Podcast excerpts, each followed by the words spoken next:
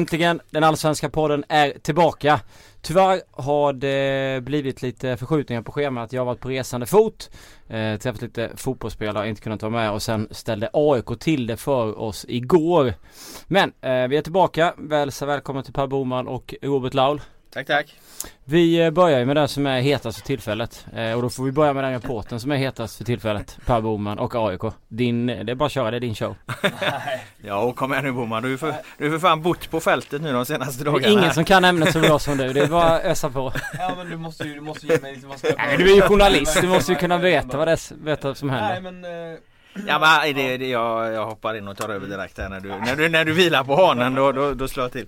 Eh, nej men det är klart du ska släppa över det där till eh, till dig Boman. Men om man, om man bara tar eh, torsdagen och alla de turerna eh, så var ju det en av de eh, rörigaste eh, dagarna eh, jag varit med om i, i, som sportjournalist här på 16 år. Jag har nog sällan eh, varit med om en, en härva som har svängt så oerhört som den gjorde. Du, var, du, du var hela tiden på, på kaken, eller på kaken, på Karlberg när alla de här olika beskeden kom liksom och, och Ja, jag kan berätta. Vi fick ju, det var ju Fotboll Direkt som var först med det. Eh, skrev det vid halv tolv på onsdagskvällen. Att, Mm. eh, Att Alm skulle få sparken skulle få sparken rakt Ja. av och att Norling skulle ersätta. Det var liksom tydliga uppgifter. Jag ringde, vi ringde, jag ringde AIKs företrädare hela natten. Ingen svarade. Förrän jag fick tag på Alm klockan sju på morgonen där han då sa att han eh, att han inte hört någonting om det här. Eh, Det var helt, nyhet, helt nya uppgifter för honom. Han hade ingen aning överhuvudtaget. Och, och så vidare och så vidare. Det blev en ganska märklig intervju. Sen är ju frågan om han visste någonting eh, kanske egentligen. Men det, det var ju Det var i alla fall det första. Eh, vilket också sätter Men, styrelsen... men vänta här nu bara. Eh, Vi, vi, vi, vi brottar ner det här lite. Där kan han ju faktiskt vara sanningsenlig Alm för att det var väl så att det var han själv som visade sig hade gått till eh, klubbledningen på onsdagskvällen och sagt att han vill Mm. hitta den här lösningen. Så att när du kommer med din fråga, du kommer få sparken. Då, då gör ju han egentligen, han ljuger ju inte utan det blir ett slags retoriskt grepp där. För att det som då står på agendan är ju att han själv har gått dit och sagt att, att eh, liksom, situationen är ohållbar och han vill, vill se, se efter något nytt. Så har jag förstått det. Ja, det stämmer ju. Det stämmer ju. Sen är det ju också en, det är ju en arbetsrättslig fråga också. Hur Ja. man formulerar det. Ja, precis. Eh, hur man, vilken typ av uppgörelse man gör. Så därför vill jag inte säga ord. Det är därför han sa också i intervjun. Ja, sparken det är en speciell term. Ja, då ska Man, exakt. ju- då ska man ha gjort någonting särskilt illa. Ja. Eh, sa han då. Och Så det- där är han ju rätt eh, slug alltså. Liksom. Det, det, det gör han ju bra får man säga. Eh, och sen när de väl, eh, om vi går händelserna lite i förväg bara, när de väl kommunicerade då i sitt, eh, sitt eh, pressmeddelande där, då tar ju ändå AIK på sig att de har bestämt att han inte får vara chefstränare längre. Att han inte ska vara chefstränare. AIK har tagit ett beslut att han inte ska vara chefstränare längre. Men de säger ingenting i, i, i det pressmeddelandet om att han lämnar AIK. Utan han lämnar bara tjänsten som eh, chefstränare. Så det här pågår ju fortfarande den här liksom förhandlingen hur, hur parterna ska komma ifrån varandra när vi spelar in det här. Det är möjligt att det har löst sig när vi släpper podden eftersom det händer saker hela tiden. Men det är ju där vi står just nu. Exakt, men faktum är att AIK ändå tar beslutet att Andreas Alm inte ska vara kvar. Att de bestämmer det. Mm. Det måste ju ändå betyda att Alm har ganska goda möjligheter till att kanske få ut eh, pengar för sitt resterande kontrakt eller Ja. liknande. Ja, tills han då eh, hittar ett nytt jobb kanske eller hur man nu lägger upp det. Det, det, det. det är väl inte säkert att det någonsin kommer fram de exakta detaljerna där va. Men eh, ja, det hann ju hända en hel del på träningsanläggningen efter där. då vi hade pratat med Alm så åker vi ut på träningsanläggningen. Jag och ett antal journalister sitter där från kanske åtta på morgonen.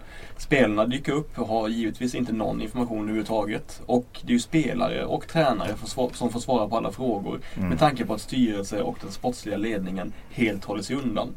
Och överhuvudtaget inte ger några kommentarer. Och det har jag förstått det från spelartrupp och även från, från liksom sportsliga tjänstemännen att eh, folk tyck, tyckte de var väldigt dåligt. Att de fick stå upp eh, under hela dagen och svara på frågor och Ja, men det- utan någon information överhuvudtaget. Ja men det är ju väldigt dåligt. Jag menar när det brinner till runt en klubb, när det blåser då är det ju den, den högsta ledningen som, som ska träda fram eller åtminstone liksom ha en plan för vem ska ta de här frågorna. Är det VD Alerup som ska göra det? Är det sportchef Westström eller ska man skicka ner styrelseordförande eh, Grundström? När man, när man ska titta på alla de saker som har gått snett i den här härvan så måste man ju titta på toppen. Man ska ju titta på Andreas Alm och, och, och de, hur de har skött det. Utan här ska man ju titta på, på, på liksom eh, Mattias Grundström och Johan Segui som ju har utgjort makten i AIK eh, den, eh, under en ganska lång tid tillbaka. Liksom. Så det är ju, det är ju Grundström och, och Segui som har ansvaret för att AIK ser ut som det gör idag och för att AIK sköts som det gör idag. Oavsett om man tycker AIK sköts bra eller dåligt så, så är det ju där eh, ansvaret landar på de här två herrarna. Exakt, och det kan ju gå vidare sen vilka som faktiskt tog beslutet. Mm. Men sen fortsätter dagen eh, och alla är helt säkra på att Andreas Alm innan träning ska säga att nu är det över. Men det gör han inte. Utan han fullföljer professionellt träningen precis som, som vanligt och är nästan extra på gång och extra glad och extra aktiv. Spelarna är ju superkonfunderade såklart. Mm. Följer med ut och säger att det är en bisarr situation. Eh, Alla tycker att det är en bisarr situation. Mm. Eh, Alla sitter, står kanske 25-30 journalister och kollar på en, på en träning med en tränare som kommer få sparken. Men som ändå fullföljer den då. Sen har ju många hyllat Alm hur han Mm. tog sig an sen det här medieuppbådet. Och det förstår man ju för att det är ju Ja. Men jag, und- jag undrar om han inte njuter lite av den. För han vet att det är inte han som har gjort fel här. Det är inte han som kommer kliva ur här som någon förlorare.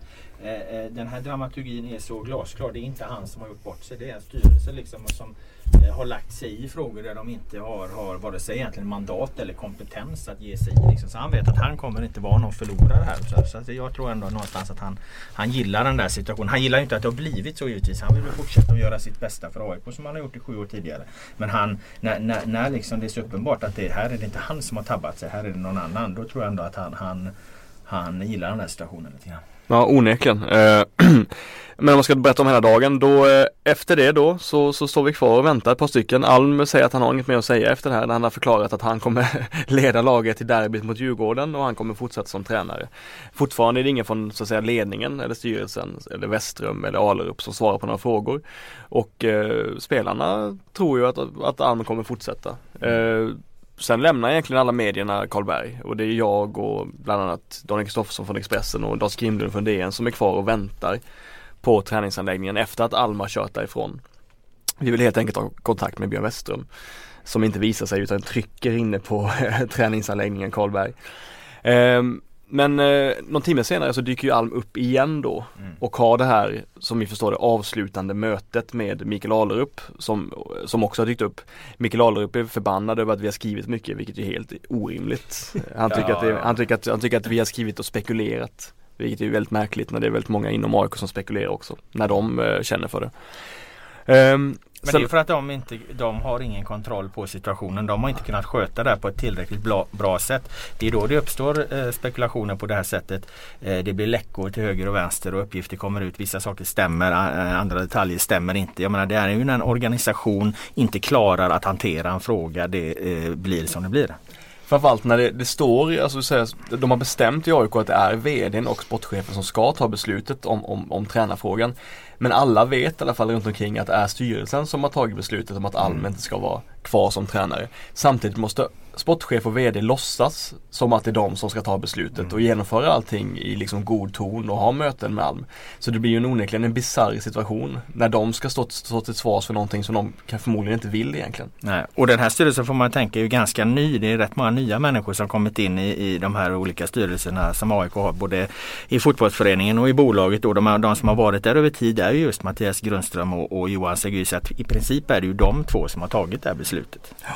Och nu får, eh, nu får ju Westström då eh, offentligt säga att det är han som hållit yxan. Det är mitt beslut säger han och så vidare när jag pratar med honom. Men som sagt det är det ju inte utan, Mm. utan Sportbladets uppgift och många andras uppgift är ju att det är styrelsen som, som inte klarar av relationen med Alm helt enkelt. Mm. Den, eh, de ville få bort han redan i vintras. Men är det inte intressant att eh, Westholm i första läget, även om han nu inte är liksom den, den högsta ansvariga här, men att han är eh, att han inte är bättre på att uttrycka sig. Jag brukar alltid gilla de här lägena och brukar vara ganska nöjd med hur han uttrycker sig emellanåt. Men han hamnar ju någonstans i ett omöjligt läge. Va? Han eh, är säkert i sakfrågan och i grunden lojal med Andreas Alm och Mm. har inte slagit larm här om att eh, fan vi måste göra oss av med våran tränare utan han, han, han anser väl att AIK har en bra tränare. Mm.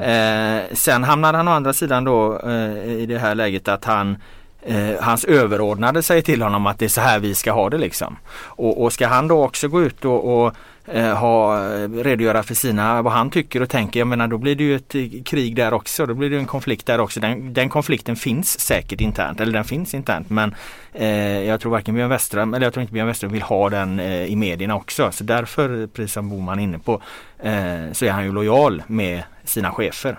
Mm. Även om han säkert internt har gett uttryck för sin åsikt. Men det blir, det blir väldigt konstigt när det blir så. Ja. För att det, Ja men det, det blir ju så för att eh, personer som jag sa som egentligen vare sig har mandat eller kompetens lägger sig i och ska ta ett beslut. När det liksom är, är, är två styrelseledamöter eh, som kliver in och tar beslutet över dem liksom som har kompetensen och som egentligen ska sköta frågan. Det, det är klart att det blir en rörelse. Där är ju hela grunden. Det är klart att det Mm, blir en. Men jag tänker att när, när rörelse. du åker därifrån igår de säger vi vill inte säga mer för det blir bara spekulationer. Mm. Det är så otroligt onödigt gjort. Jag tycker ändå att om, om folk har varit där en hel dag så måste du kunna leverera Ja, någonting. men jag tror att det Men de är ju bakbundna. Ja, De blir bakbundna vet du, när, när styrelsen kliver in Men och måste ju någon annan sig. göra det känner jag. Ja, men de, Man går ut med ett Jo, förtydligande men den, den inte... styrelsen skulle aldrig uttala sig i här. Nej nej men de vill ju, de vill ju verka utan att synas. De, de vill ju inte, de vill ju att eh, det ska se ut som att de har inte någon, någonting med det här att göra. De vill ju eh, styra. Så fungerar ju liksom eh, den här typen av personer hur, hur de arbetar. De vill ju verka i det fördolda och, och, och, och inte synas. Men man, det är ju snyggt ändå att en styrelse kräver ett guld och sen så när han får gå så syns de inte. ja men Nej. ja, exakt. Nej, det är ju bottenlöst fegt. men det som är intressant är då att eh, eh, AIK ville ju som sagt sparka honom eller få bort honom redan i våras eller vintras. Hade inte råd med det, hade inte Mm. råd med den lösningen, visste inte riktigt hur de skulle göra. Ehm, och det som är intressant är jag har faktiskt länge trott att styrelsen ville få bort Alm genom att sätta ett omöjligt krav. Att det var det första. Att, Att att han var, skulle avgå. Ja exakt, nej men att de ville bara kunna säga efter åtta omgångar att det, det är inte bra nog, han måste gå. Vilket ju det blev nu ändå i och för sig. Mm. Men som, som jag förstår det så, så hade styrelsen helt så att säga underskattat Alms vilja att överhuvudtaget vara med och ta fram målen. Alm var egentligen, tror jag inte, så irriterad över, över själva kravet på guld utan att, utan att styrelsen själv bestämmer vad, vad kraven på AIK är utan att involvera den sportsliga ledningen, alltså Björn Westerholm och Andreas Alm. Så, så eh, styrelsen underskattar helt enkelt kraften i att ta bort, ta bort ett viktigt verktyg typ för, för den sportsliga ledningen. Mm. Snarare än att de satte ett omöjligt mål. Mm. Det var lite intressant tycker jag i alla fall. Mm. Ja, men när man tittar på, på liksom skuldfrågan varför det har blivit som det har blivit så måste man ju, ja men logiskt och, och naturligt är ju att man tittar mot toppen. Det är de som är ansvariga och det är de som sätter liksom agendan. Ska en verksamhet fungera så måste den fungera i, i högsta eh, ledningen. Och jag menar, det här är ju inte det enda som inte fungerar i, i, i AIK. Det är ju bara att titta på att det är konflikter på alla möjliga håll. Va? Det, är- det, det är maktkamper mot, eh, mot vdn, det, det är sponsoravtal, eh, det är tidigare grejer. Det kom deras Q1-rapport här nu kommer med, med, med med utbetalningar till SRG och allt det här. Liksom. Det är ju sak på sak på sak på sak som inte fungerar i, i, i AIK. Så att det är inte bara tränarfrågan som inte fungerar. Och vad, vad, vad, vad landar man då? Jo, man måste titta mot toppen. De som styr, de får liksom inte verksamheten att fungera egentligen på något område. Hur ska man, eh, hur ska man se på det att det, att det gått liksom med tanke på att just även Alerup har varit i blåsväder då och folk har velat ta bort honom. Mm. Det gör ju såklart att det är svårt för honom att uttala sig även i de här frågorna. Mm. Vad har Alerup för mandat? Ja, alltså, hans liksom position har ju på något vis eh, eh, försvagats i, genom eh, den här konflikten då med med eh, ledningen. Han verkar vara en bra gubbe liksom och jag menar han har ju en gedigen bakgrund. Eh, det logiska hade varit att släppa över ansvaret till honom men jag menar det verkar ju inte som styrelsen kan, kan ju inte hålla fingrarna borta därifrån heller. Ehm, Mm. Alltså ytterst blir det en fråga för, för medlemmar och aktieägare i och med att AIK är två, två, två eh, styrelser. En, en föreningsstyrelse då som har fått en helt ny ordförande, Jonny Jörgander. Då. Det är väl slå, svårt att så här snabbt utkräva något direkt ansvar för honom. Men han har varit där i tre, tre fyra månader. Det får väl tiden utvisa. kan dock meddela vad- att han aldrig någonsin har svarat. Han har varit med på en intervju med Sportbladet. Ja. Efter det har han egentligen aldrig kommenterat en enda fråga. Nej. Nej, så då kan man fråga, ska man ha en ord- ordförande i en förening som eh, eh, överhuvudtaget inte svarar på frågor? Vad, vad, vad, vad gör han? Vad är hans liksom, eh, roll där? Men sen har du då eh, bolagsstyrelsen också som, som ju eh, utses av aktieägare. Eh, men den största enskilda aktieägaren är ju föreningen. Därför är ju föreningsvalet vä- vä- väldigt viktigt. Jag menar, nej men det landar ju ner på, på medlemmarna. Och vad har AIK idag? De har ett par 300 som går och röstar på de här eh, årsmötena. Jag kan inte tänka mig att liksom majoriteten av AIK-medlemmarna egentligen om de hade gått dit och gjort sin röst hörda eh, vill ha en, en eh, klubb som, som sköts så här. Jag menar många i den här styrelsen de har ju ingen stor erfarenhet av att eh, driva vare sig aktiebolag eller, eller fotbollsklubbar. Så att, eh, det finns nog anledning för, för fler medlemmar att sluta upp på mötena framöver. Och angående supportrarna så är min absoluta känsla att en majoritet står bakom Andreas. Ja. Mm.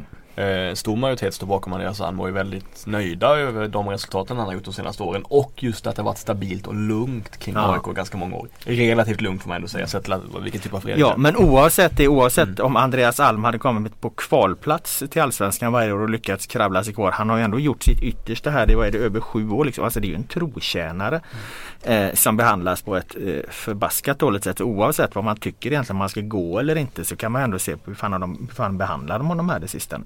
Sanslöst ovärdigt var det ju att han fick leda träningen utan att veta så mycket. Mm.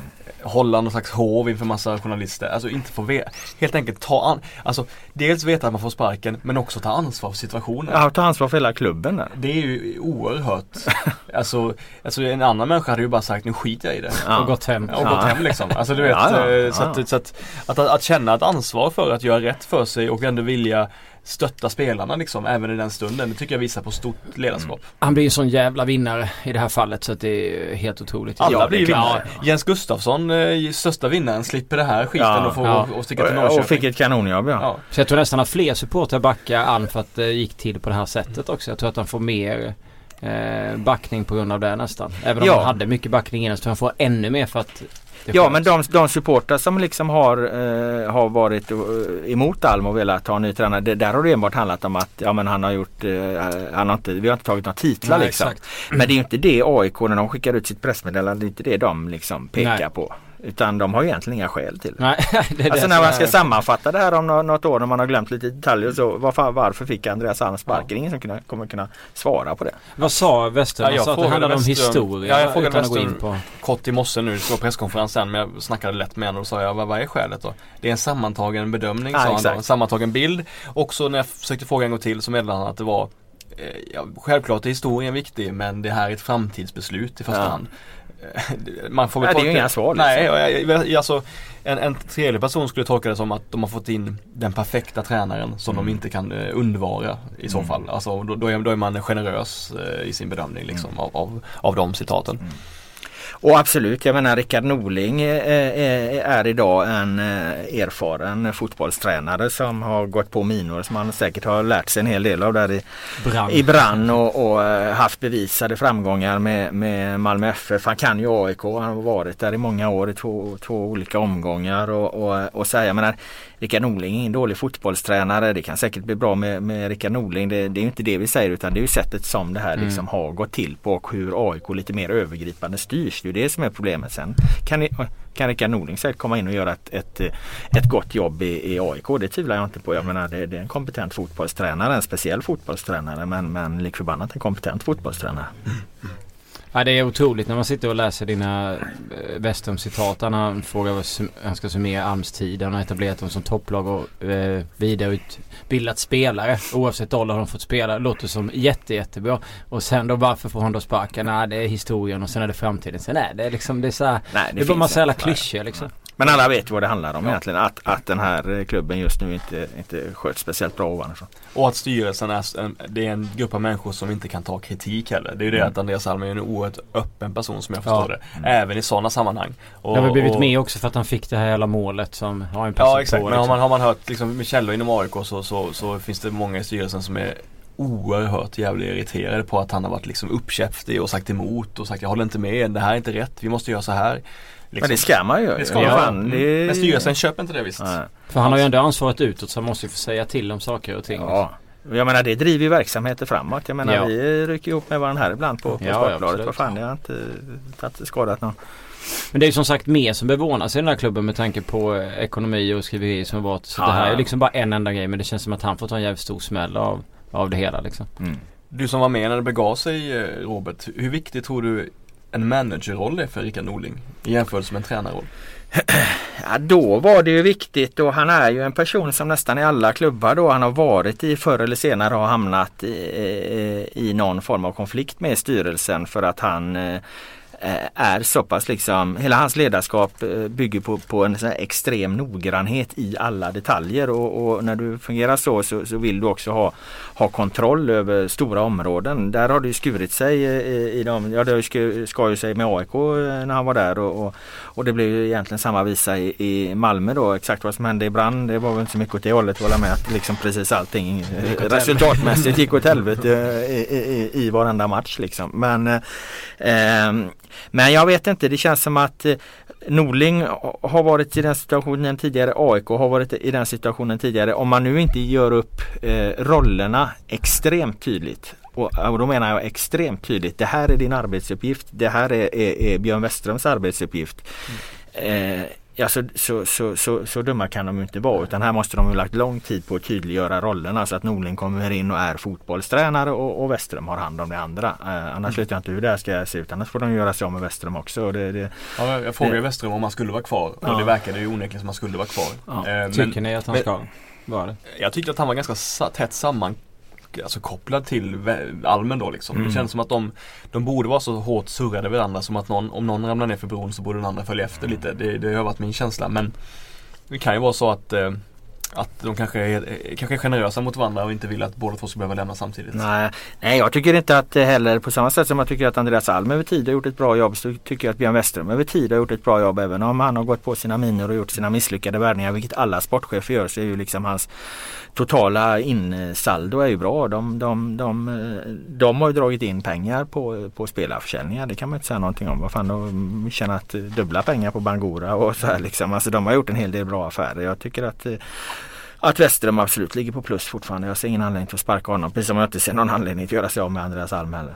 Det är det som är intressant i och för sig. Det är ju det faktum att, att, att, att AIK måste ju fortsatt, de har fortfarande minus på driften nästan varenda Q1 om de inte säljer spelare. Mm. Och att då börja skifta, liksom ändra om och luckra upp i den sportsliga ledningen trots att man hela tiden får in pengar så att man kan rädda den egna ekonomin. Mm. Det är ju ett vanskligt beteende får man säga ändå. Mm. Det är inte alls säkert att det går lika bra sportsligt nu. Det är inte alls säkert att man har möjlighet att sälja spelare för, för samma pengar. Ja, men det, nu har de Isak i och sig med övrigt så är det inte så många som, som bör gå för så mycket pengar nu framöver. Så det är väl ganska lite vågspel ändå. Ja, ja visst är det det va.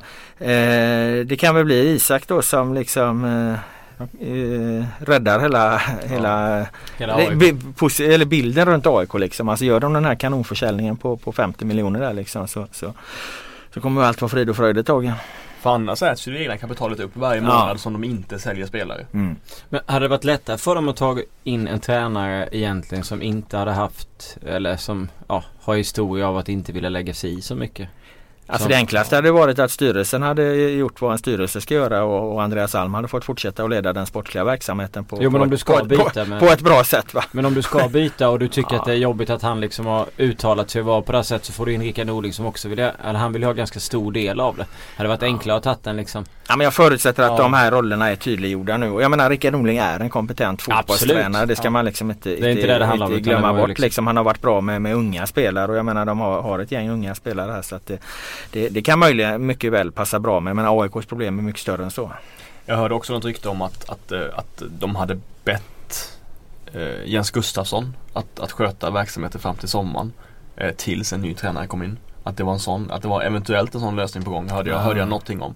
Men Jens Gustafsson var nog inte så sugen på att vara interimstränare i två, två månader i, i Malmö FF eller i, i AIK när, när Norrköping hör, hör av sig samtidigt liksom. Nej, nej, nej herregud. Jag menar i, i, om man ser att ta över AIK nu eller att ta över IFK Norrköping nu så är det klart att. IFK Norrköping är extremt mer lockande eh, uppdrag på alla sätt. Dels så är det en, en en fungerande förening och, och, och, ett lag som fungerar. De har ett Champions League-lag inför dörren, eh, eller Champions League-kval inför dörren och, och, det finns liksom en, en, utmaning att göra Norrköping till ett topplag över tid. Inte bara det här eh, enskilda guldet som Jan Andersson tog. Så att det, det är ju klockrent av Jens Gustafsson att hoppa på det där. Alltså det, det förstår alla dagar i veckan bra val också. Han är bra eh, Jens. Han, och framförallt tror jag att han passar bra in i Norrköping. Kan vi prata lite om också där. Eh, eh eftersom han eh, han är ju lite mer än, än, bara en fotbollstränare. Precis som Jan Andersson hade ju liksom en del av sin styrka i pedagogiken. Som gammal lärare så är ju Jens Gustafsson före detta, eller är utbildad beteendevetare. Utbildad inom både psykologi och sociologi. Bra människokännare och, och har också det här perspektivet. Så att jag tror att den, övergången till Jens Gustafsson från Jan Andersson för IFK Norrköping blir klockren. De har gjort en, en noggrann eh, rekryteringsprocess och, och, i alla fall vad det känns på pappret hittat en, en klockren ersättare, efterträdare. Också pratat med väldigt många aik som har hyllat eh, Jens Gustafsson och sagt att han har gjort ett jättestort intryck under ja. de här få månaderna som har varit i klubben. Ja, han är ju en bra, en, en bra människa liksom. En skön, skön fotbollskille. En, en, en snubbe man, man gillar liksom. Man vill sitta i hans bil och ta, ja. ta en sväng. Vänlig typ. Ja. Um, ja, hur påverkar detta laget inför derbyt? Eh, det måste vara ganska mycket. Ja, Eller klart spelarna kan vara så pass inte, professionella ja. som att när man, alltså det, när man pratar med vissa spelare så är det precis som att de, de går till träningen och sen går de hem säger de och sen det här är vanliga saker i AIKs alltså det tillhör och Alltså tillhör Alltså jag tror att ett, tränarby, ett tränarbyte påverkar ju mer, mer liksom på sikt liksom. Blir det rätt person ja. som kommer in? Funkar kemin? Allt det här liksom. Är han, är han bra? Hur mycket ändras? Vad, vad, vad, vilka invanda grejer rycks upp? Hur förändras spelet och så vidare.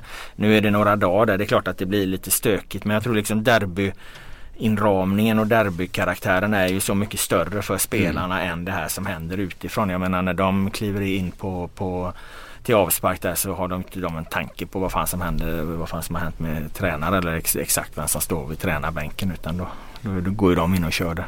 Generellt sett så gillar väl spelare tränare som låter dem spela mycket. Och sen har de, sen har de inte så mycket eh, åsikter i övrigt liksom. Alla tränare som låter dem spela är fantastiskt bra liksom. Ja, och det är det som är vanskligt. Om man, man, man ska heller inte det är klart att är det en stor majoritet i en spelartrupp som vänder sig mot tränaren ska man lyssna på det. Men det här med att lyssna på enskilda spelare. Liksom, jag menar Henok Goitom var ju, var ju kritisk mm. mot eh, Alm på vissa sätt. Liksom. Men det där är rätt vanskligt att bara lyssna på en spelare. I Goitoms fall handlar det inte om att han var bänkad och så. Men ofta kan det vara det. Någon tongivande eh, figur jo. som liksom blir bänkad och så blir det ett jävla gnäll. Det är det, det är inte så mycket att lyssna på egentligen. Det var ju ganska underhållande när Alm höll sin eh, eh, improviserade presskonferens och då hade läst i enskilda medier, då, olika medier att han hade tappat gruppen. Mm. Gjorde ju honom totalt vansinnig och liksom mm. dömde ut den här reportern som hade skrivit det som, som att det var en total lögn. Liksom. Mm. Så han, eh, han var ju verkligen han är rakryggad och liksom eh, benägen att rätta till fakta liksom ja. in i döden, eh, Andreas Alm. Ja. Nej men när, när tränarna gör det så brukar det komma fram. Det, det, det har väl inte varit fallet i vad Andreas Alm vad jag har hört i alla fall. Att ah, han ska ha tappat liksom stora delar av gruppen. Det är klart det finns alltid några spelare som gnäller. Men, jo, men, för att de inte får spela och så vidare men det är Exakt. Precis, men det är en annan sak. Genom ja. åren har man hört enstaka spelare som har sagt ja. saker men aldrig fått en total bild av att det skulle vara Nej. så. Nej. Men när det gäller att få citat i media så funkar ju Alm och, och Norling lika bra. Norling kanske är till och med lite mer Alltså Alm är, ju, Alm, är ju tyd, Alm är ju tydligare. ja. Eh, Norling är lite mer flummig på det området. Det kan ju lätt bli om... om det blir bra rubriker ändå. Ja, ja, ja precis. Om, om man förstår exakt vad han menar va? när han gör sina liknelser med, med blommor och små fåglar och, och allt vad det nu är. Men jag undrar ju om han har blivit kanske vad han har lärt sig av det här eh, av misslyckandet i branden då. Om han mm. kanske har tagit något steg tillbaka och inte vill vara den här jovialiska figuren utan kanske har på något sätt blivit lite mer eh, begriplig. Jag vet inte. Kan ja, man det, ändra sin Ja, det vet jag fan om man har. Jo men alltså Rickard Norling är speciell på det sättet. Han, alltså, mycket av det här eh, flummeriet han håller på är ju också hans sätt när han inte vill svara på frågor. Ja, ja. Jag märkte det med honom en gång när han var tränare i Malmö så hade, vi, hade det varit en presskonferens efter en match. Eh, och så hade han varit eh, sådär flummig som han brukar vara och sen så gick jag, gick jag till honom och så stod vi och pratade lite efter och presskonferensen var slut och folk hade börjat eh, eh, gå bort. Då liksom, då bara liksom slog han om på en sekund. Han tog mitt block, tog min penna, började rita liksom en skiss på planen. Så här ska vi göra. Alltså han var så jävla tydlig liksom. Det var så pang, pang, pang. Han ska upp här. Det var, det var inget utrymme till några fler frågor. Han var extremt tydlig. Så att det är klart att Rickard Norling skulle inte kunna stå och, och, och prata Nej. om blommor och bin när han håller sina matchgenomgångar. Utan det är klart att han har en extremt tydlig sida också. Det handlar om vilken bild han vill, vill skicka och vad han vill vara. Istället för att kanske ge ett tråkigt svar på något han inte vill svara på så, så svarar han något flummigt istället som han vet att ja, men det där kommer folk tycka är lite kul ändå. Och typ alla spelare. Det är bygga image. Typ alla spelare vill också uppskatta honom nästan åren. Jag har inte hört många spelare som, som Nej, nu pratar man med nej. gamla Malmö-spelare där. Jag har snackat med ett gäng, rätt många och det, alltså de When you're ready to pop the question, the last thing you want to do is second guess the ring. At Bluenile.com, you can design a one of a kind ring with the ease and convenience of shopping online. Choose your diamond and setting. When you find the one, you'll get it delivered right to your door. Go to Bluenile.com and use promo code LISTEN to get $50 off your purchase of $500 or more. That's code LISTEN at Bluenile.com for $50 off your purchase. Bluenile.com code LISTEN. har ju verkligen gillat honom. Ja, ja, alltså absolut. extremt mycket som människa och även så ger han väl de, eh, alltså de gillar ju den fotbollen han har spelat också eh, och så vidare. Så det verkar vara, han verkar vara jättepopulär eller Mm. duktig på att ta, ta spelare liksom. Absolut. Forma grupper. Nej men som sagt det, det, det, det handlar inte om att AIK inte får in en kompetent Nej, exakt. tränare för att det, det, det får de. Det, det är ju mer den stora bilden av AIK och hur det här går till. Ehm, en intressant grej är ju om eh, guldkravet lever vidare med ny tränare. Det vore väl korkat och, Eller, eller, eller och är, guldkravet personligt hållen till, till liksom en person eller är det ett guldkrav på, på, på liksom Men det kan väl- sporten? Jag, jag, jag kan ju tänka mig att de river upp det där guldkravet eftersom eh, Topp tre. Eh, alltså de, I det här guldkravet har väl även legat att de har haft den här organisationen under lång tid. Ja. Jag menar AIK-styrelsen måste ju ändå liksom väga in saker som så här långsiktighet och så. Om man, om man nu ger Rick- Rickard Norling, vad är det, tre och ett halvt år eller? Ja, som rapporten Ja, säger. det är ett, då, då, kanske det där kravet är att han ska, ska leverera ett guld inom de åren eller, eller något sånt. För jag menar man måste ju ändå ge ge en ny tränare lite tid och, och, och, och sätta sin spelidé. Man kan ju inte begära så dumma kan de inte vara att de begär att han direkt liksom ska gå in och, och vända det här rakt upp och ner. Jag vet inte, vi får se. Vi ska snart släppa iväg eh, Per Boman här va? Du ska på presskonferens. Ja, de har ju det nu. Det är ju fredag idag och Mm. de ska ha det klockan 11 på Friends Arena och klockan är just nu 10. Eh, jag tror tyvärr att det var ett, kanske lite kvalitetsproblem med ljudet där i början. Eller jag rörde ihop det i alla fall tekniskt. Vi har ju inte Patrik Syk här. Eh, han dog iväg någonstans. Men, men eh, Boman vad tror du att eh, Andreas Alm gör? Nu? Efter det här? Idag. Ja men alltså nu, vad, vad, han, vad gör han närmast tiden? Vad tar han vägen? Var vill du se honom? DN, tack. DN skrev ju att, eh, att Brönnby eh, var ute efter honom. Men det verkar ju jobbigt att lämna en kaosklubb för en annan. För Även- den- även för en annan han, är han van å andra sidan. Men eh, nej, jag tror att han kommer, jag tror att eh, Andreas Sand kommer få ett bra jobb ganska snabbt om han vill det. Han har varit inne på att utbilda sig och Mm. lämna tränarbanan. Jag menar han har ju fler, han har också fler strängar på sin eh, lyra än, än, än att bara vara fotbollstränare. Han är ju journalist i grunden. Vad fan vi får erbjuda en anställning. Ja. Krönikör, Krönikör på sk- skriva intressanta Ja, krönikor, det är klart. Han kan få specialbevaka AIK. Han ringer och gör lång intervju med Björn Wester. Man bara, bara hör hur de surnar till efter ett tag. Nej, det har varit ljuvligt ju. nej men, eh, nej men alltså. Han- men TV, om man nu vill Ja. ta en paus från, från eh, där så skulle jag tror jag att TV-kanalerna skulle stå i kö Ja. för att få in honom som expertkommentator. Vi har ju en Ja. ledig stol här i podden. Vi borde ha med honom i ett avsnitt. Ja, absolut. Men Alms position har väl heller aldrig varit starkare. Han har inte varit starkare än sen, sen liksom miraklet i Moskva nästan. Nej. Som, än vad den är nu. Nej, Han går ut, han går ur det här absolut. eh, ren, verkar det som. Mm. Ja, definitivt. Ja, det har varit en eh, intressant eh, historia. Det ska bli kul att se vad som händer i sommar med AIK och så vidare. Om eh, Norling liksom. Han, men han kan väl inte ha så mycket muskler till att eh, plocka in spelare eller? Ja, det vore märkligt ifall de, kunde, ifall de lyckades frigöra eh, Ja. liksom, eh, ännu mer ekonomi till sånt. När de ändå har värvat ganska mycket under våren. Mm. Han borde väl få nöja sig med den truppen han har har väl ändå hittat hem nu? Även om han blev Ja, inbytt, utbytt. Han var så jävligt vass ut faktiskt på, på gårdagens kaosträning. Ja. Ja. Gjorde mål på mål och var eh, pigg. Vad hade han för dojor då? Det var... Han hade ett par Adidas-dojor, färgglada. Och han dementerade också uppgiften att det var Per Karlssons gamla skor som räddade honom. det, det stämmer visst inte. Eh, Ja, det är väl den näst mest bisarra situationen under våren efter, efter gårdagens eh, ja, Ja, jo. cirkus. Utan tvekan. Och nästa grej blir väl här nu att de ska jobba för att eh, försöka förlänga med Carlos Strandberg antar jag. Mm. Jag såg Björn Westerberg uttalat sig där. Jaha okej. Men, vad har han men han, sa väl, han sa väl någonting om att det är mitt jobb att försöka ja, knyta till sig det där. Vad, vad jag har förstått så, eh, så tror jag att eh, Ja, att det, det någonstans från början fanns ju en, det fanns ju en större möjlighet att plocka Carlos Strandberg på ett längre avtal när de tog honom. För att Mm. då var han inte så het. Nu är frågan som man kommer tänka om CSKA Moskva då som har mycket pengar. Mm. Som egentligen inte behöver låna ut. De kan bara plocka in och vill ha honom igen. Men när de då liksom signar honom i vinter så borde de egentligen ha gjort det här helåret. Nu kan det bli tufft då liksom. Och gå han. Ja, ju bättre man levererar under ett lån så Ja, Det är ju Lex Nyasha liksom. Ja, ja. Exakt, så att det är ju Nej men, de, nej men de kan väl lika väl sälja honom i sommar då om inte han är bra nog att spela i CSK men bra nog, han är ju bra nog Men de behöver inte sälja honom för att de har de pengarna Nej, som nej, de kan men, chansa exakt. och Men, liksom. men han är ju bra nog att spela i, i en bra europeisk liga. Ja, Mm. Redan nu. och det blir nog svårt för AIK tror jag. Att förlänga Ja, som jag förstår det så blir det väldigt svårt Ja. för AIK att förlänga med Carlos Strandberg. Och då borde man nästan passat på och plockat han på ett år från början. Men då hade man så många anfallare så man kanske inte ville rock the boat för mycket liksom. Man trodde kanske att Avdic skulle komma igång tidigare och sådär. Ja, det är svårt att säga. Ja, verkligen. Eh, vi släpper iväg dig. Ja. Mm. Lycka Tack. till. Hälsa Tack, tack. Rickard. Ja. Eh, jag fortsätter med Robert Laula inne. Finns mycket frågor Laul. Men Alltså? vi får väl ta det vid kanske ett senare tillfälle. Nah, riv av lite frågor så kan vi slå igen den här. Det blir ju en lite specialpodd. Det blir nästan en AIK specialpodd får vi säga när det blir så himla mycket snack om dem. Men eh, riv av lite frågor så ska vi se vad vi kan göra åt det. Eh, vad blir konsekvenserna för Hamlin efter att ha dömt bort Gävles mål mot Elfsborg? Eh, de blir väl inga alls.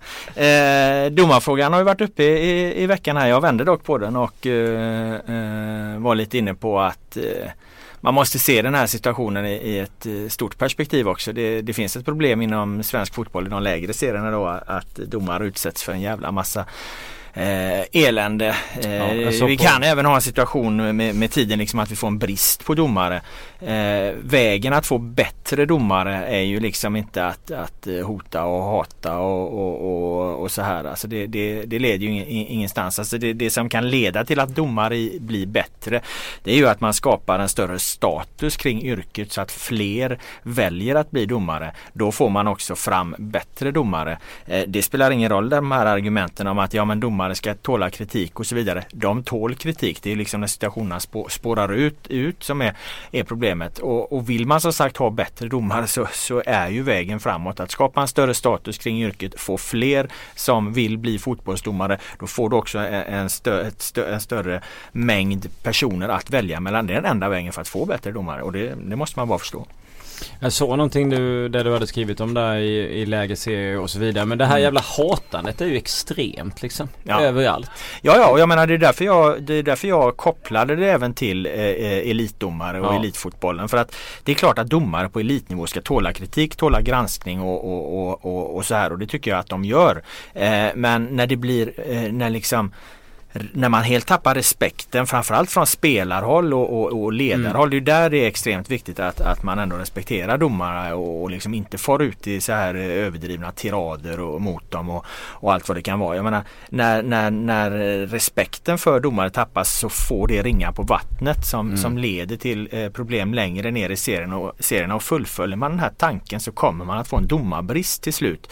Och får man en domarbrist då har man färre alternativ att välja på och då blir också kvaliteten sämre. Sämre. Det, det är det jag menar. Därför Ja. måste man på något vis jobba för att ha en större respekt mot domare och att höja statusen på yrket för då kan man också förbättra situationen. Jag vägrar vika mig på den punkten. Alltså det är så det är.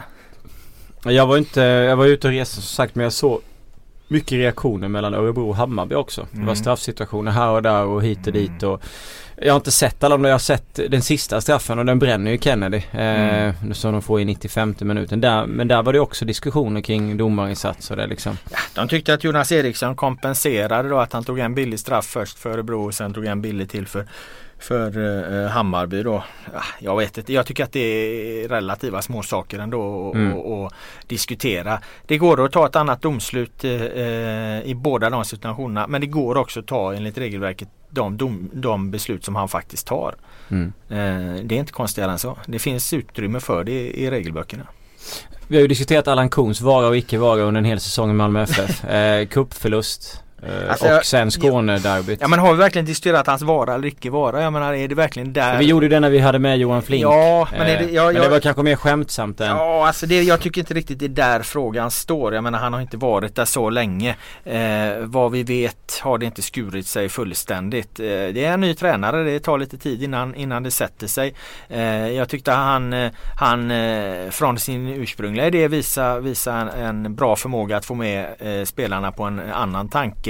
Sen har Malmö haft eh, två ganska tunga bakslag här då i, i, Mm. i kuppen och, och eh, i derbyt förstås. Men eh, jag vet inte fan om det, det är läge att, att diskutera eh, Nej alltså jag kvar inte med, jag menade inte att vi skulle glida in på det. Det var bara en start på okej. själva grejen av att de förlorar kuppen och de de förlorar Skånederbyt men eh, och sen hade ju Rosenberg då gått ut innan och snackat om att vi har en för dyr, alltså vi har en för bra trupp för att inte spela i Europa. Ja. Tror du att man kommer försöka liksom skeppa spelare i sommar? Eller har man liksom har man utrymme att ha kvar ett sånt? Har Ja liksom men det då- där uttalandet är ju faktiskt rätt intressant. Det är väl frågan om, om eh, Marcus Rosenberg egentligen ska lägga sig i truppsammansättningen. Men det är klart han är ju en, en, en symbol och en stark röst i, i Malmö där och, och eh, i, som journalist så, så tackar vi inte nej till när folk häller liksom bensin på brasan. Det, det var roligt att han, han drar igång den diskussionen. Eh, internt vet jag inte riktigt hur man ser på, på det dock. Men det är klart att han, han, han har väl en poäng där. Jag tror att han känner väl någonstans att det är så jävla många bra spelare här liksom.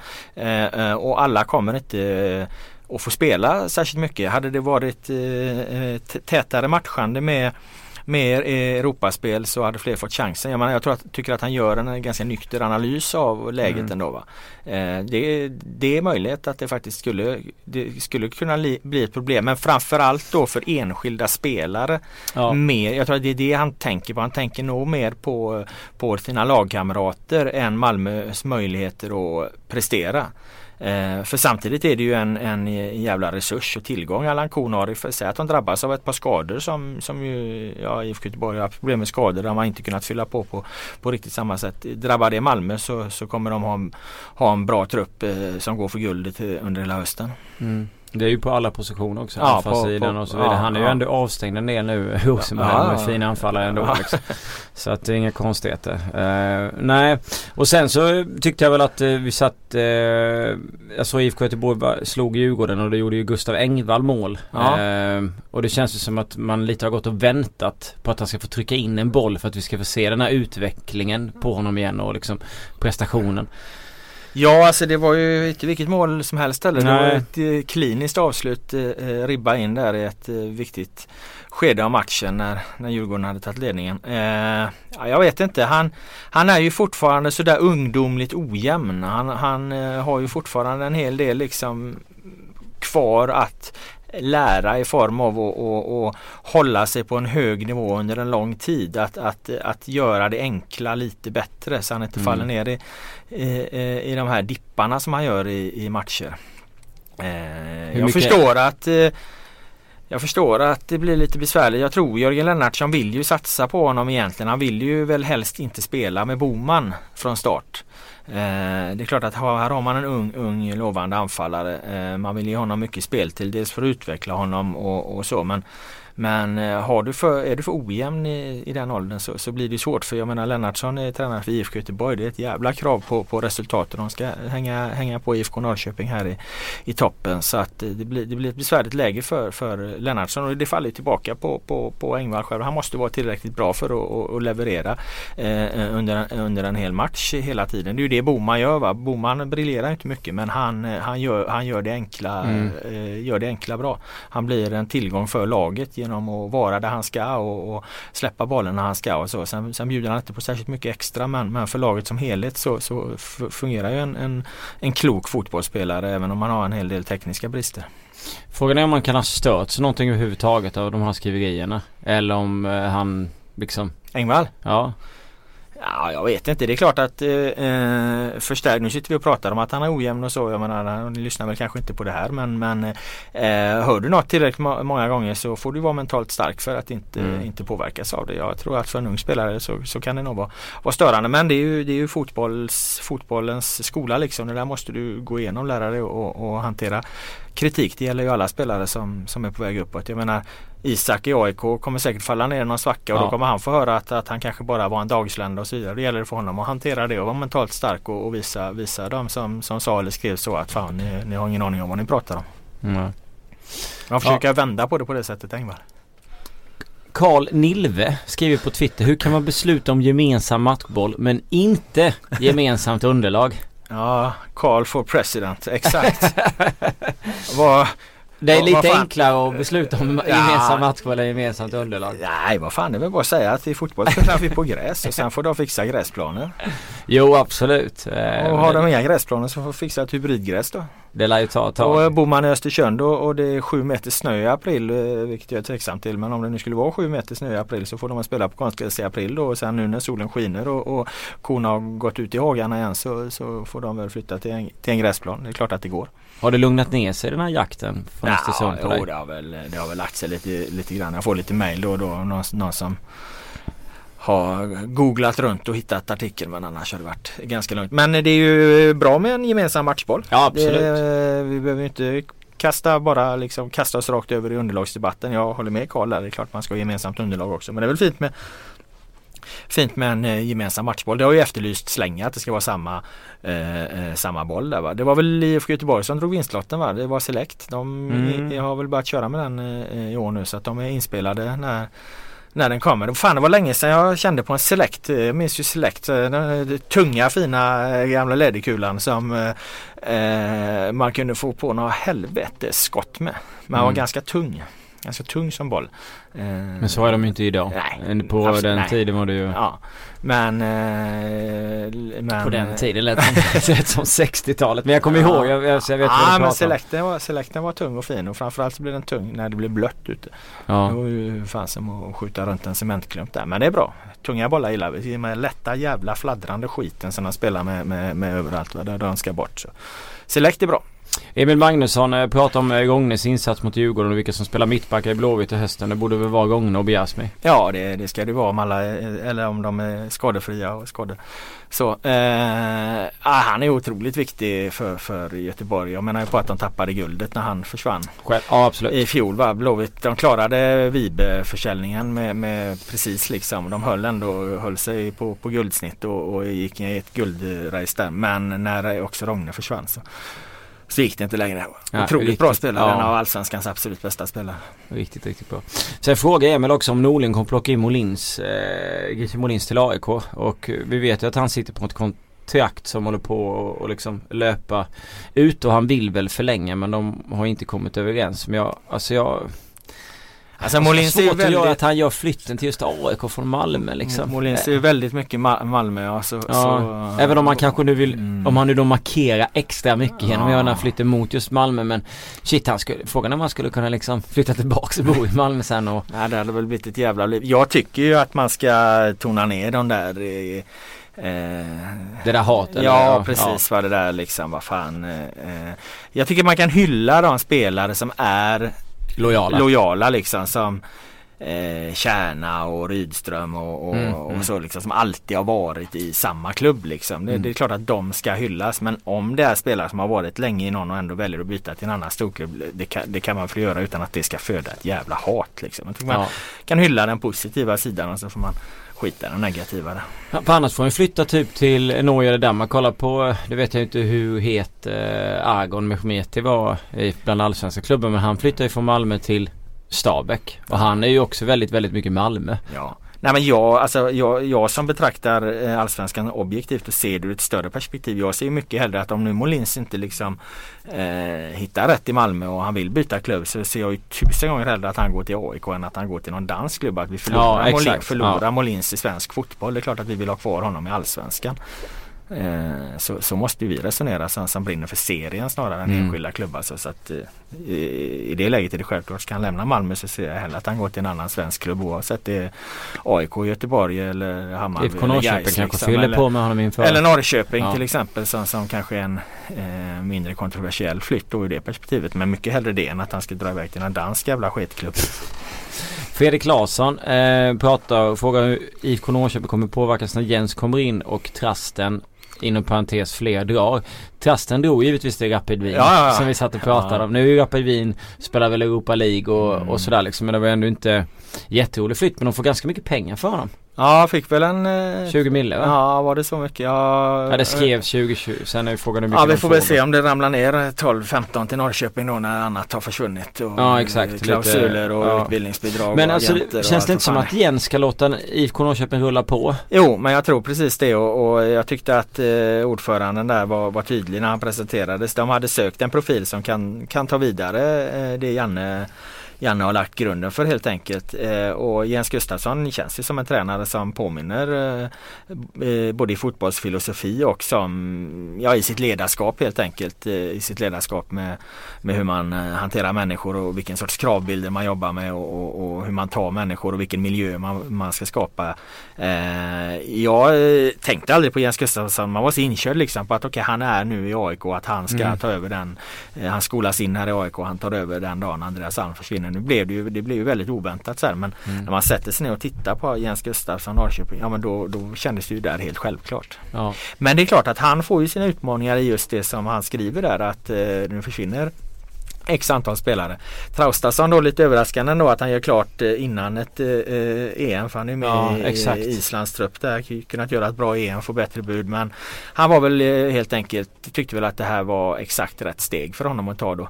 Eh, du har Kujovic eh, som kommer i EM-truppen. Det höjer ju hans marknadsvärde. Mm. Det gör honom mer attraktiv för, för, för andra klubbar. Får han dessutom göra ett, ett inhopp eller två och, och vräka in ett mål eller något mm. sånt. Va? Då kan han ju få ett jävla fint erbjudande. Så där får man väl också räkna med, med, med att han försvinner då. Eh, och så lite frågetecken på Nyman då. Mm. Men det är klart, nu får de ju betalt för, för det va.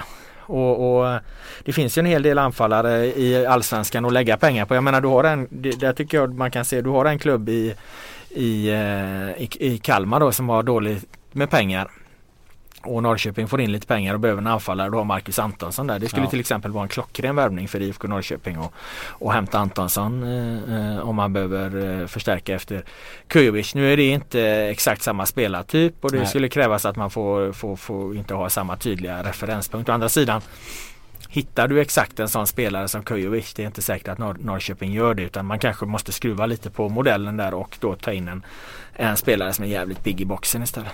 Mm. Ja han har ju, han är ju jävligt nyttig för Kalmar. Ja ja. Eh, det är ju inget snack om ja, Han är ju sin mål i ett lag som inte fungerar. Va? Ja, det, exakt. Det, det, är bara att ta sig hatten för det. Ja, så att det, det blir intressant att se, och, och se vad, om de plockar härifrån eller om de plockar från, från andra ställen. Sen blir det jag med med Kamara med på grund av eh, hjärtproblem. Eh, även om han nu ska spela fotboll i eh, USA. Ja, svårt att uttala sig om det där. Det blir liksom en diskussion om, om läkare vilken läkare vet bäst. Men det låter ju det låter ju lite obehagligt ja, att, att eh, när ändå så många läkare har gjort en bedömning som är, är, på gränsen och sen så väljer han då ändå. Det är ju ett beslut som landar hos honom ytterst men, men det låter lite obehagligt tycker jag. Ja, han, han, eh, det har ju, vi, har, vi vet ju i fotbollen det finns ju en hel del liksom eh, historier med, med, spelare som har dött på planen och, och så här. Va? Så att jag, jag, jag tyckte att det lät obehagligt där. Jag hoppas verkligen inte att han, han chansar men det verkar ju lite som att han kanske gör det. Mm. Uh, Rasmus Lindgren. Ja, till hem till Allsvenskan. Ja exakt. Eh, det är BK Häcken och eh, IFK Göteborg och han gjorde mål här igår. Det var det väl för förordningen i kvalet mot Du de Herakles eller Utrecht, jag kommer inte riktigt ihåg hur det var. Eh, ja. Det är Joel Eriksson som eh, frågar hur vi ser på det där. Och hans önskan, spelar han då mittback i Groningen? Du kan han väl spela på mittfältet också? Alltså han är ju mittfältare i, mittfältare grunden. i grunden så det tror jag alldeles säkert Han skulle, han skulle kunna passa på IFK Göteborgs mittfält.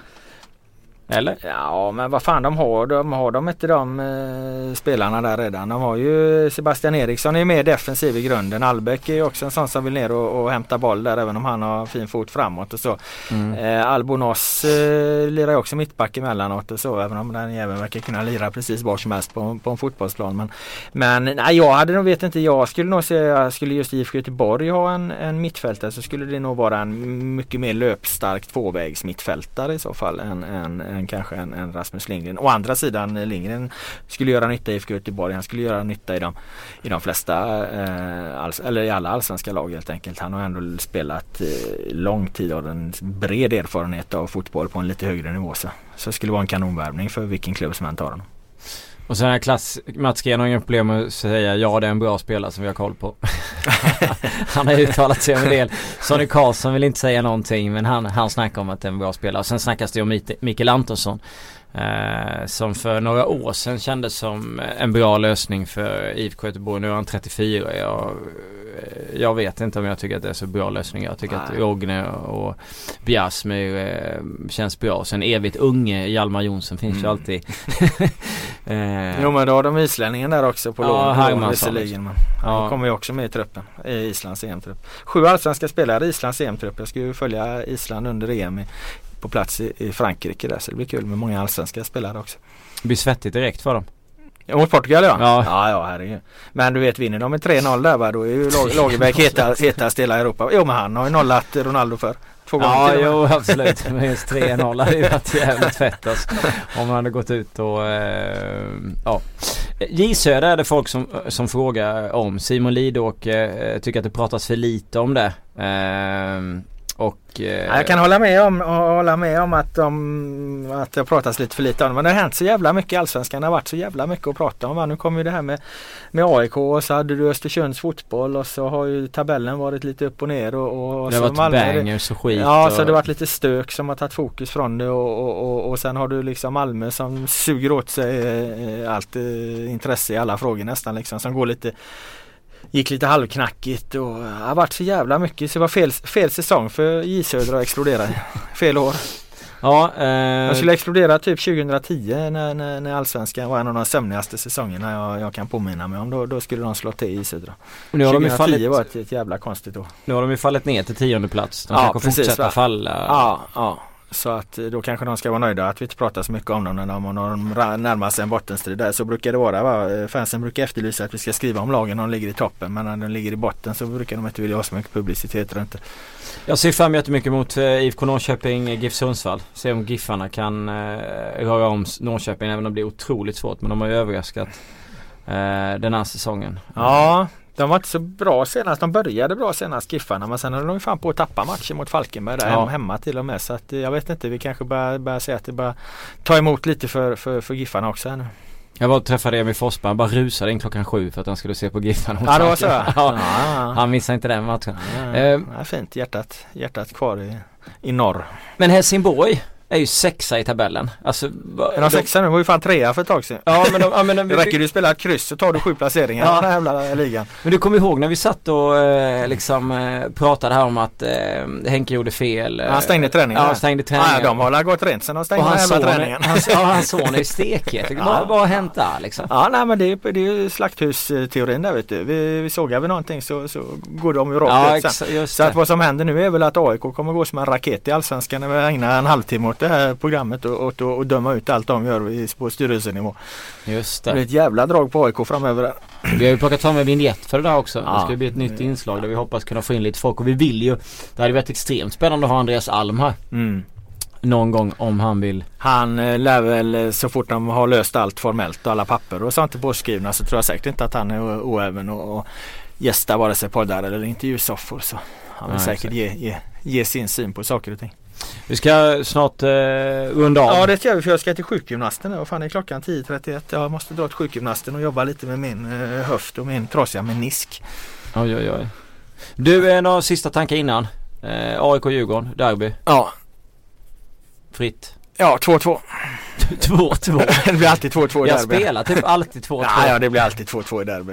Jag satt på och väntade på att Malmö skulle, skulle eh, få in två- Kvittera, ja, ja. få in 2-2 mot eh, eh, Helsingborg där. Men så fick ju inte eh, Eikrem bollen. Han, var, var ju, han, han ju reducerade och sen så hade han ju, han hade ju helt öppen gata. Va? Jag kommer inte ihåg vem det var nu. Var. Gartansson eller vad fan det var som bara kunde släppt, släppt den lite till vänster i anfallet efter på i typ 94 minuten eller vad det var. Men eh, han fick aldrig bollen. Han fått bollen där så han satt 2-2 så det blir 2-2 så. Egentligen blev det det 2-2 i den matchen kan man säga.